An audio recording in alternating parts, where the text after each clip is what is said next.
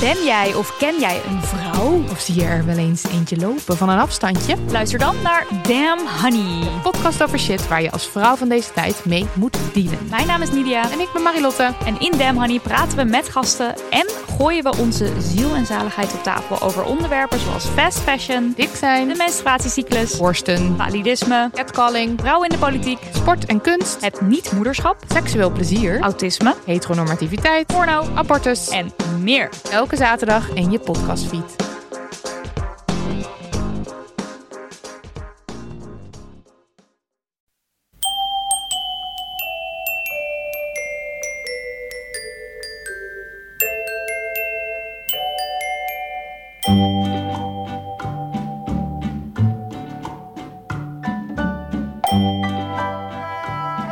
Welkom bij aflevering 269 van Echt Gebeurd, de podcast waarin waargebeurde verhalen worden verteld door de mensen die ze zelf hebben meegemaakt.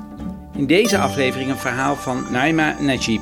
Ze vertelde het vorige week zondag bij ons, tijdens een verhalenmiddag rond het thema Marokko.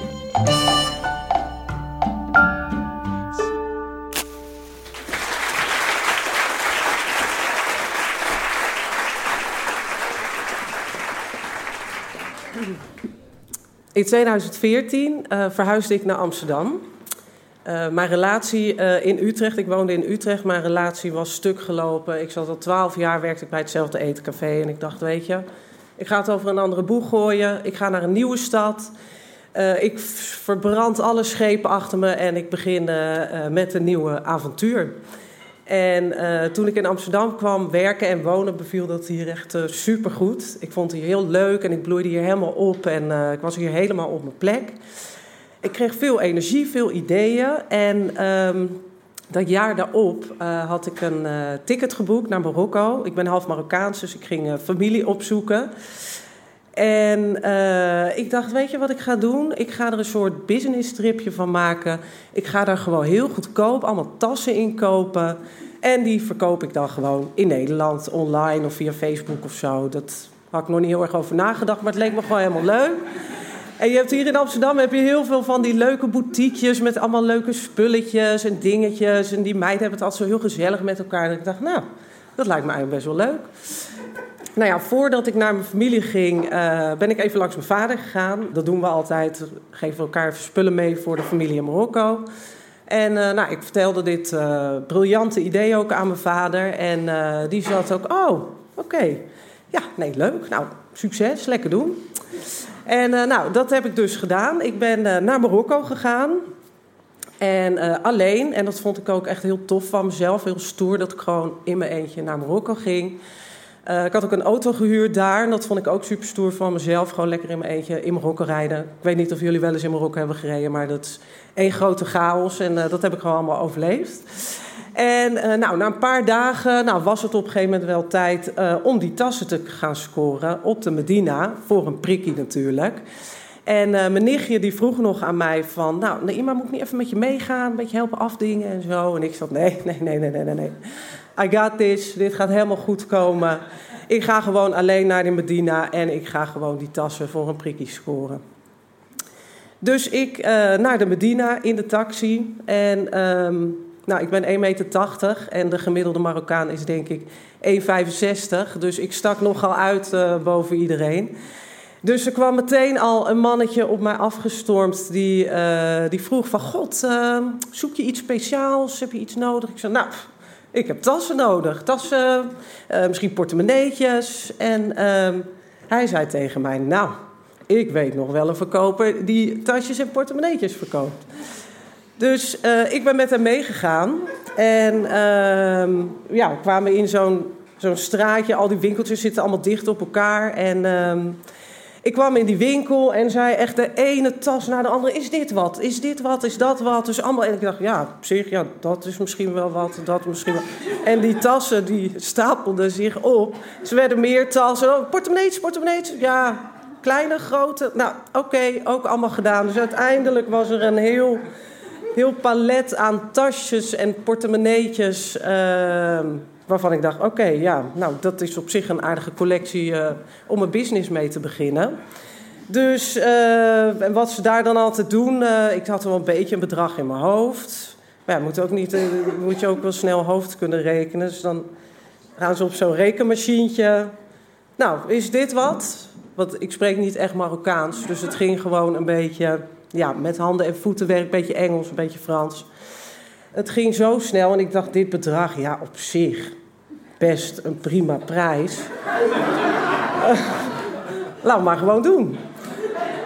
Dus, uh, dus ik heb betaald en ik liep met twee tassen weg. Het begon allemaal een beetje in te dalen dat ik dacht, ja, nou, oké, ja, ik denk dat het wel gewoon, ik denk wel dat het een goede deal is geweest.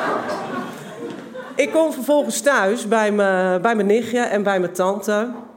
Nou, dus dat zoals altijd visite. De buurvrouw was even langs en die zeiden, nou, die zagen mij met al die tassen en die zaten echt, hoeveel heb je daarvoor betaald?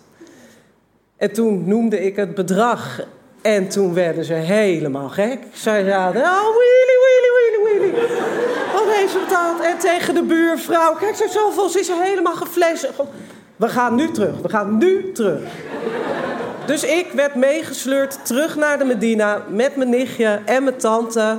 Ik begreep allemaal niet wat ze zeiden. Ik kon het winkeltje nog wel vinden. En wij kwamen daar aan en er begon een soort van gevloek en gescheld. Van je moet je schamen, je hebt daar helemaal erin geluisterd, veel te veel tassen. Veel te veel geld voor al die tassen, weet ik. En ik stond er echt een beetje tussen van, uh, ja, ja, ja. Ja.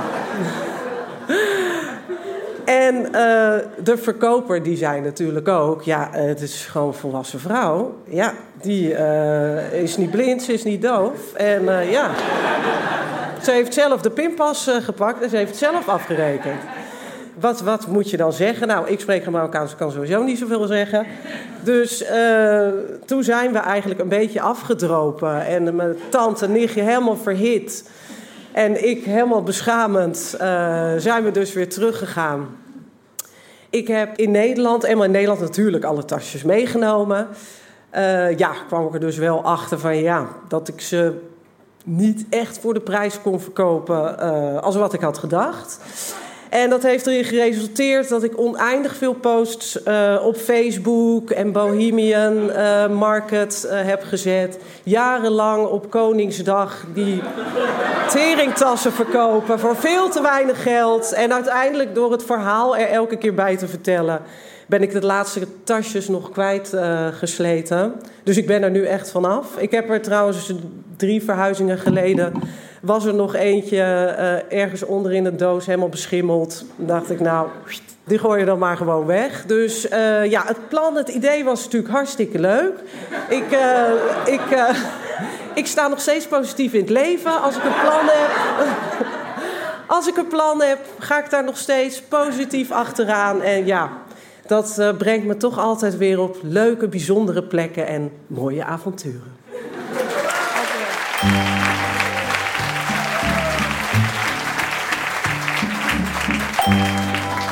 Dat was een verhaal van Naima Najib.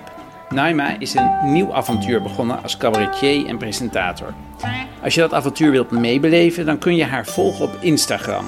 Ze heet daar Naima Zahara. Dat schrijf je N-A-I-M-A-Z-A-H-R-A. Maar je kan ook kijken in onze show notes. Echt gebeurd is een maandelijkse verhalenmiddag in Comedy Club Toemler in Amsterdam onze redactie bestaat uit Paulien Cornelissen, Maarten Westerveen, Sanne Pols, Rosa van Toledo en mijzelf, Mieke Wertheim. Productie Eva Zwaving, zaaltechniek Jasper van Oorschot, podcast Gijsbert van der Wal. Dit was aflevering 269.